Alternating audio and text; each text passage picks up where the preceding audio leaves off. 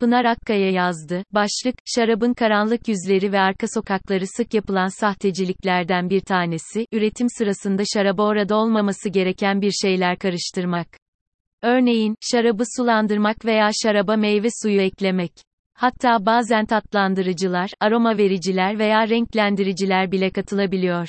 Geçen hafta önüme bir haber düştü. Ekim ayında Bordeaux'da bir mahkemede görülen bir davanın haberiydi bu. 5 kişiyi hakim önüne çıkaran dava, İspanya'dan 130 tankerle Fransa'ya getirilen 34.587 hektolitre şarabın Fransa'da etiketlenip, şişelenip, piyasaya sürülmesiyle ilgiliydi. Hektolitre cinsinden yazınca miktar hafızanızda tam olarak şekillenmemiş olabilir, aşağı yukarı 4.5 milyon şişe şaraptan söz ediyorum. Soruşturma derinleştikçe, şebekenin işi 2013 yılından beri sürdürdüğü anlaşıldı. O yılın hasatında ters giden mevsim şartları nedeniyle gerektiği kadar üzüm elde edemeyen ve dolayısıyla şarap üretimi normalin altında kalan bir şarap üreticisi, çareyi çaktırmadan İspanya'dan litresi 0.37 euroluk şarap getirtmekte bulmuştu. İzi kolay bulunmasın diye üreticiye ulaşana kadar birkaç aracı değiştiren şarap, ülkeye girince şişelenmiş ve özenle etiketlenerek Bordo şarabı kılığında Fransa pazarına sürülmüştü. Polis, 2013 ila 2019 yılları arasında şebekenin bu işten 4 milyon euroluk gelir elde ettiğini tespit etti. Bu nadir rastlanan bir olay değil. Daha 6 ay önce, global bir distribütör olan Katalan Grupo Reserva de la Tierra, 2019 ila 2021 yıllarında sahte etiketli şarapların dağıtımını yapıp, 14 milyon euro yıllık gelir elde etmekle suçlanmıştı. İddialara göre grup, yaklaşık 40 milyon şişe ucuz sofra şarabını kaliteli şarap olarak piyasaya sürmüştü. Bu arada, bu olaydaki sahte şaraplar Avrupa'nın en büyük marketlerinden Aldi ve Lidl'ın raflarına bile girmeyi başarmış ancak gelen müşteri şikayetleri üzerine sonradan raflardan kaldırılmıştı. Düşünün ki, profesyonel satın almacıları bile tongaya düşüren bir sahtecilikten söz ediyoruz. GLOBALLEŞME, ONLINE satış ve artan riskler premium şarapta sahtecilik, yıllardır bildiğimiz bir konu. Wine Spectator dergisinin bir araştırmasına göre, piyasada ikinci el satılan premium şarapların ortalama %5'i sahte. Ama ne yazık ki sahteciliğin hedefinde artık sadece premium şaraplar yok ve sahtecilik faaliyetleri nadide şaraplardan ucuz şaraplara kadar uzanan geniş bir yelpazede devam ediyor. Hatta şimdilerde, ortalama fiyatlı şarapların sahtelerini ucuza mal edip, piyasaya yaymak daha sıklıkla görülür oldu. Daha geçen ay Birmingham'da bir süpermarkette orta fiyatlı bir marka olan Avustralyalı Yellow Tail'in sahteleri yakalandı. Operasyonu bölgedeki organize bir suç örgütünün yürüttüğü düşünülüyor. Globalleşme sonucu uluslararası satışlar artıp, üstüne bir de pazarın bir kısmı online alışverişe kayınca, şarapta sahtecilik yapan karanlık gruplara da adeta gün doğdu. Talep arttıkça, piyasadaki sahte içki miktarı da artıyor. Milyarlarca dolarlık sahte şarap piyasası her geçen gün büyüyor ve kontrolü daha da zor hale geliyor. Tahmin edeceğiniz gibi, bu durum tüketici, koleksiyoner ve yatırımcı için büyük tehdit oluşturuyor. 3 milyar dolarlık bir pazar sahtesi yapılan her ürün için geçerli bir durum var. Sahte ürünlerin hepsi aynı seviyede değil. Kimisi büyük ustalıkla yapılmış olan, kimisi de uzman olmasa da, dikkatli bakan bir gözün anlayacağı sahteler. Şarapta da durum aynı, sahte olduğu çok aleni olan bazı ürünler olduğu gibi, son derece maharetle yapılmış olanları var, ama pek tabii ki, niyetiniz ister yıllandırmak, ister tüketmek olsun, bir şişe şarap aldığınızda en son istediğiniz elinizdeki şişeye sahtecilik bulaşmış olmasıdır. Özellikle de yüksekçe bir fiyata, özel bir şişe şarap almışsanız. Üstelik son tahlilde konunun iki önemli boyutu var, para ve sağlık. Zira özellikle alkollü içkiler söz konusu olduğunda, zaman zaman şahit olduğumuz gibi, bazı sahtecilik tipleri direkt olarak tüketicinin sağlığını tehdit ediyor ve son derece tatsız sonuçları oluyor. Şarapta sahtecilik denildiğinde ilk akla gelen, ucuz şarapların sahte etiketlerle bezenmesi ve pahalı şaraplar olarak satılması. Bunun en yaygını, şarabın üretim yeri hakkında yalan söylemek, örneğin ucuzcu olan İspanyol şarabını, daha pahalı olan Fransız şarabı diye satmak. Bir diğeri, iyi bir yılın etiketini şişeye basmak, çünkü özellikle belirli bölgelerden gelen kaliteli şarapta, iyi bir yıl fiyatı artıran önemli bir unsur. Nokta. Sonuncusu ise, pahalı, az bulunan, önemli bölgelerden gelen, nadir şaraplara ait olan boş şişelere, daha ucuz şaraplar doldurmak ve tüketicide, bak son derece nadir bir şarabı alma şansın var, hissinin uyandırdığı heyecandan yararlanmak. Aslen, etiketinde, şarap, ibaresini gördüğünüz içecek, fermant edilmiş üzümden yapılmış olmak zorunda ancak sık yapılan sahteciliklerden bir tanesi, üretim sırasında şaraba orada olmaması gereken bir şeyler karıştırmak. Örneğin, şarabı sulandırmak veya şaraba meyve suyu eklemek. Hatta bazen tatlandırıcılar, aroma vericiler veya renklendiriciler bile katılabiliyor. Bu katkılar sağlığa zararsız şeyler olabileceği gibi, ne yazık ki zaman zaman metanol gibi zararlı kimyasallar veya toksinler de olabiliyor. Nadide şaraplar son dönemde yatırımcıların ilgisini çekmeye başlayan bir alternatif yatırım aracı. Burada direkt olarak paranızı hedef alan daha dolaylı bir sahtecilik tipi var. Karşınıza şarap yatırımları konusunda uzman bir yatırım şirketi çıkıveriyor ve önümüzdeki 10 yıl içerisinde fiyatının çılgınlar gibi katlanacağı öne sürülen bazı nadide şarapları yatırım amaçlı olarak almaya ikna ediliyorsunuz. Siz zaten yüksekçe bir fiyattan aldığınız şarapların fiyatının 10 katına çıkmasını beklerken, bir bakıyorsunuz ki çalıştığınız yatırım şirketi buhar olup uçuvermiş. R.U.D.Y. Kunyava'nın ekşi üzümleri başta sözünü ettiğim sahtecilik haberini okuyunca, aklıma hemen Radi Kunyavan ismi geldi. O Kunyavan ki, şarap dünyasının en ilginç ve büyük çaplı sahtecilik hikayelerinden birinin baş aktörü. Şarapta sahtecilik üzerine yazıp, çevresindeki otoriteler dahil herkesi oltasına takmış bu karakterden söz etmemek olmaz. Buyurun o zaman Radi Bey'in öyküsüne, Radi Kurniavan, 2000'lerin başında, iddialı yemek davetleriyle Los Angeles Yüksek Sosyetesi'ne bomba gibi bir giriş yapar.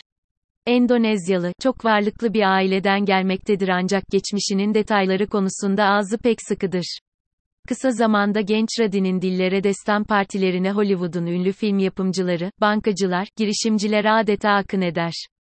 Radi'nin kavı eşsizdir, özel ilgi alanı Burgonya şaraplarıdır. Davetlerinde, şaraba ilgisi olan herkesin hayalleri süsleyen birbirinden nadide şaraplar su gibi akmaktadır. Eğlence öyle büyüktür ki, çevrede bir çeşit Great Gatsby havası estiren Radin'in nereden geldiği, nasıl böyle pat diye ortaya çıktığı pek de kimseyi ilgilendirmez. Çok geçmeden Los Angeles'in en önemli tadım gruplarından Burgvars'a girmeyi başarır. Aradığı ortamı bulmuştur, kısa zamanda grubun lideri olur. Namı iyice alıp yürüyen Radi, bir iki yıl içinde kavındaki şarapların bazılarını etrafındaki eşe dosta satıp ciddi kazançlar elde etmeye başlar. Artık Amerikan şarap camiasının en tanınan ve pek tabii ki en varlıklı simalarındandır. Amerika'da yapılan tüm şarap açık artırmalarına katılır, buralarda ayda yüz binlerce dolar harcamaya başlar. Seanslarda eli hiç aşağıya inmez, hedeflediği şarabı kimselere kaptırmaz. Aldığı şarapların birçoğunu partilerinde açıp, davetlilerine ikram eder, tek bir davetinde 100 bin dolara varan tutarlarda şaraplar içilir. Parayı Radi kadar hızlı harcayan kimse yoktur. Damağı ve şarap bilgisiyle herkesi kendine hayran bırakır. Adı iyice duyulur, gazetelerde boy boy resimleri çıkmaya başlar. 2006'da Los Angeles Times gazetesi, şarap dünyasının bu hızla yükselen yıldızı üzerine bir yazı yayınlar ve Radi camianın çıtasını yükselten genç bir sosyoelit olarak tanımlar. Radi'nin kavı ise dünyanın en nadide şaraplarının bulunduğu bir mabet olmuştur adeta. Servetinin kaynağı sır olarak kalmaya devam etse de, ünü ve faaliyetleri Los Angeles sınırlarını çoktan aşmış olan bu esrarengiz genç adam, en ayrıcalıklı isimlerle yenilen ve bol sıfırlı hesaplar ödenen yemeklerin vazgeçilmez insan olmuştur artık. Çevresinde artık sadece şarap severler değil, aynı zamanda şarap eleştirmenleri, akademisyenler, koleksiyonerler vardır. Tuhaf da bir huyu vardır Radi'nin. Her yemekten sonra içilen nadide şarapların şişelerini mutlaka alıp götürür, soranlara saklamak istediğini söyler. Eğlence öyle büyük, tadılan şaraplar öyle iddialıdır ki, boş şişeler konusu da arada kaynayıp gider. Radi sosyal hayatta esip gürlerken, açık artırmaları da boş bırakmaz. O kadar büyük oyuncudur ki, hamleleri zamanla piyasalardaki dengeleri bile değiştirmeye başlar. Özel ilgi alanı olan Burgonya şaraplarının fiyatları, birkaç sene içinde, 400 dolardan 13 bin dolarlara fırlar. Nokta. Bu gelinen nokta, Radi için tam bir satış fırsatıdır.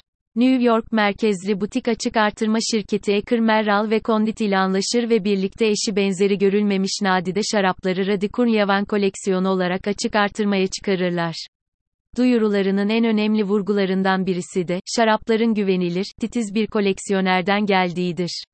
Açık artırmada, iki gün içinde yaklaşık 11 milyon dolarlık satış yapılır. Ardından gelen ikinci açık artırma da 25 milyon dolarlık satış getirir. Bu o zamana kadar bir şarap açık artırmasında ulaşılan en yüksek rakamdır. Bir soluklanalım burada, değil mi?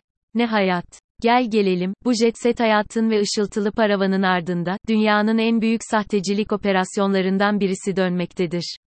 Önce Kuryava'nın sattığı bazı nadide şaraplar hakkında şüpheler doğar. Ardından düzenleneceği duyurulan bazı açık artırmalar sahte şarap şüphesiyle iptal edilir ancak Radi arada aldığı bazı şaraplarda kendisinin de aldanmış olacağını söyleyerek iddiaları reddeder. Ancak öyle iki kişi ortaya çıkar ki, bu iki kişinin yaptıkları Radi için sonun başlangıcı olur. Florida'daki evinin altında sadece en nadide şaraplardan oluşan bir kavı bulunan Amerika'nın en zengin ailelerinin birinin veliahtı, milyarder Bill Cohen burnuna kötü kokular gelmeye başlamıştır.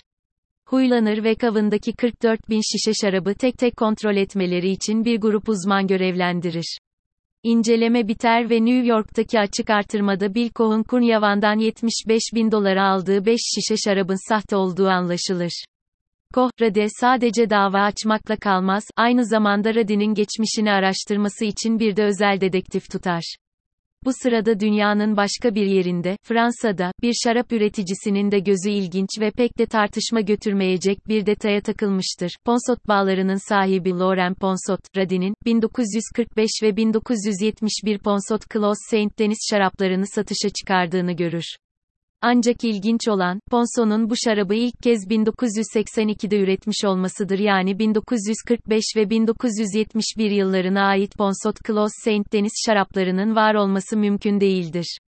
Hışımla New York'a uçan Laurent Ponsot, Radi ile yüzleşir ve bu şarapları nereden aldığını öğrenmeye çalışır.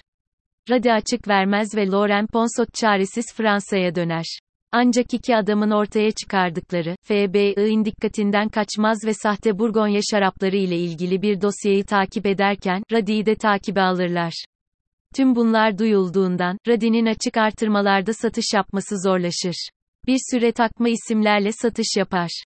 Ancak finansal olarak çıkmaza girmiştir. 11 milyon doların üstünde bir borcu vardır ve borcu borçla çevirmeye çalışıyordur. Nihayet 2012'nin Mart ayında bir sabah F.B. Iradi'nin villasına bir baskın düzenler. İçeride buldukları inanılır gibi değildir. 200 eski şarap şişesi, 20 bine yakın son derece nadir şaraplara ait eski süsü verilmiş etiket, kutularla şişe mantarı, baskı malzemeleri, ünlü şatoların isimlerinin bulunduğu damgalar, nadir şarapları taklit etmek üzere kurulmuş formül tarifleri. Radi işi öyle ileri götürmüştür ki, 2006 yılında piyasadaki sahte nadide şarapların %75'inin onun piyasaya sürdüğü şaraplar olduğu anlaşılır. Bir süreliğine de olsa kusursuz yönettiği bu operasyondan Radi 100 milyon dolar civarı kar etmiştir. Radi hemen tutuklanır ve Aralık 2013'te Radi soygun ve sahtecilik suçlaması ile hakim önüne çıkar. Davası, dünyanın en büyük çaplı ve en başarılı şarap sahteciliği davası olarak adlandırılır. Radi'nin topladığı boş şişeleri formülünü manipüle ettiği ucuz şaraplarla doldurduğu, bastırdığı etiketleri özel tekniklerle eskittiği, mantarları iz bırakmadan çıkararak, yeniden kullandığı ortaya çıkar. Avukatı bunları Radi'nin ev dekorasyonu için kullandığını iddia etse de, her şey ortaya dökülmüştür bir kere.